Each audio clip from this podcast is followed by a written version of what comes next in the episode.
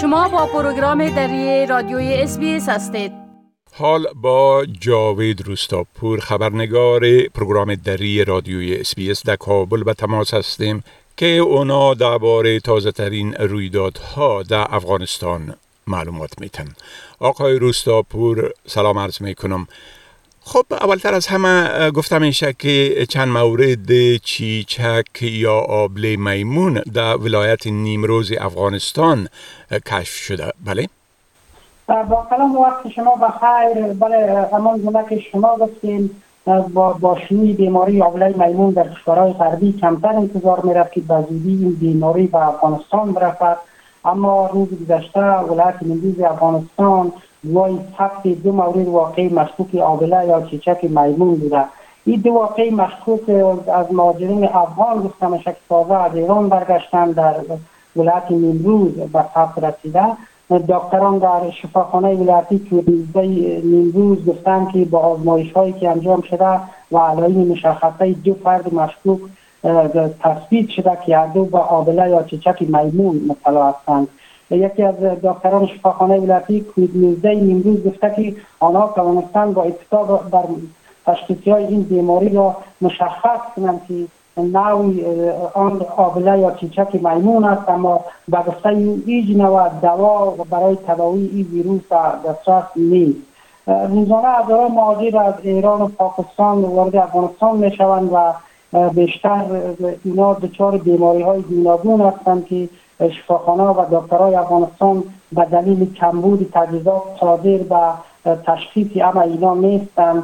اما در حال ثبت این دو مورد چیچک آبله میمون مردم را سراسیمه کرده و بیشتر دکتران تاکیدشانی است که باید جلوگیری صورت بگیرد در مرزهای افغانستان. باید دستگاه های تشخیصی ایجاد شود برده شود که این بیماری اگر به افغانستان در وضعیت سنی سرایت کنه و عمدیر شد دوران انسانی و فاجعه به بار خواهد آورد. به دلیل که هیچ نوع دارو تجهیزات و امکاناتی در شفاخانه‌های دولتی و خصوصی در افغانستان وجود نداره بخصوص برای این ویروس که تازه دارد در دنیا پخش میشه و خصوص در کشورهای اروپایی و افریقایی. بله. خب گزارش ها میگن که و در واقع حکومت طالبا اعلان کرده که سیستم بانکداری را به صورت مطلق اسلامی می سازن میشه که در این باره یک مقدار توضیحات بتین؟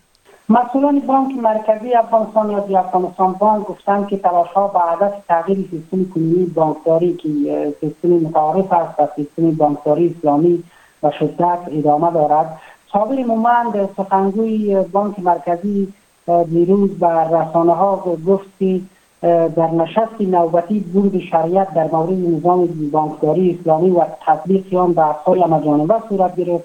به گفته او چون نظام بانکداری اسلامی در کشورهای پیشرفته وجود دارد این نظام در افغانستان نیز که یک پروسه زمانگیر است و گونه تدریجی از در آینده سال نزدیک تطبیقی از او آغاز می شود آقای مومند در این باره جزئیات بیشتری ارائه نکرد اما در حال حاضر بیشتر معاملات بانکی در بانک مرکزی افغانستان و بانک های خصوصی با استفاده از سیستم بانکداری تعریف انجام می شود و با آمدن حکومت طالبان تلاش ها بر این است که سیستم و سیستم بانکداری اسلامی تغییر کنه. اما گونه سخنگوی افغانستان بانک گفت اما آگاهان امور اقتصادی تاکیدشان است که سیستم بانکداری اسلامی اگر رایج شود باید این سیستم به صورت بهتر تطبیق شود. چون اپلیکیشن کار داره یک سری افراد مسلکی کار داره در غیر از این صورت در حال حاضر وضعیت بانکی افغانستان بسیار بد است. بانکها با ورشکستگی رو بروستند این سیستم می‌تواند که همه چیز برهم و برهم کند. میان مشتری و بانکدارا جنجال پیش بیاید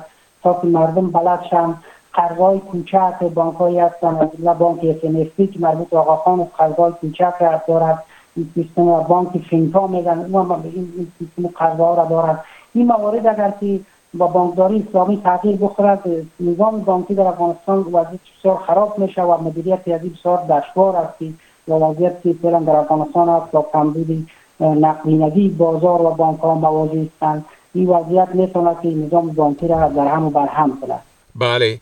خب گفتم میشه که طالبا از مردم ولایت غور هم تعهدنامه در ارتباط به نپیوستن به گروه های مخالف خواسته میشه که در این باره یک مقدار توضیحات بتین؟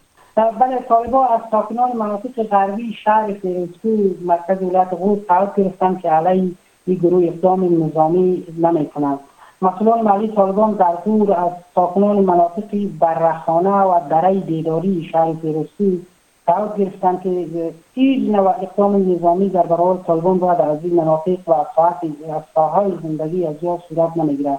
یک منبع در غرب شهر فیروزکو گفته که تعهدنامه را به گونه اجباری از ساکنان منطقه گرفته شده. و گفته منبع مقام محلی طالبان در غور درباره قوم زیریزا که ساکنان مناطق برخانه و در بیدان در غرب شهر فیروزکو هستند. یک فیصله صادر کرده که به این فیصله گفتن که هر نوع سلاح مهمات یا در دولت که گذشته مانده ایره باید به حکومت محلی طالبان تسلیم می‌کنن و همچنان گفتن که کسانی که غیر مخالف دولت هستند و او باید مشوره صورت بگیره و او را بیارن دوباره و محل منطقیشان از قوا و درها پایینشان و همچنان کسایی که در بیرون از کشور هستند و او مخالف دولت هستند و در این تعهدنامه آمده که طالبا با او بحث جداگانه خواهند کرد وقتی به افغانستان آمدن. در هفته اخیر طالبان از چند مخالفت های مسلحانه و درگیری ها را کدمان می‌کنند ولی برخی از ولایات افغانستان از جمله پنشیر، بغلان، تخار و برخی مناطق غور گوای رویدادهای مسلحانه و درگیری های بود که تا پای مقام های وزارت دفاع طالبان و معاون درون ریاست وزرای طالبان را به پنشیر کشان به نظر می رسد طالبان با این روششان مخالفت ها را به باور آوان بیشتر می‌کنند و این روش روش نیست نتیجه بدهد.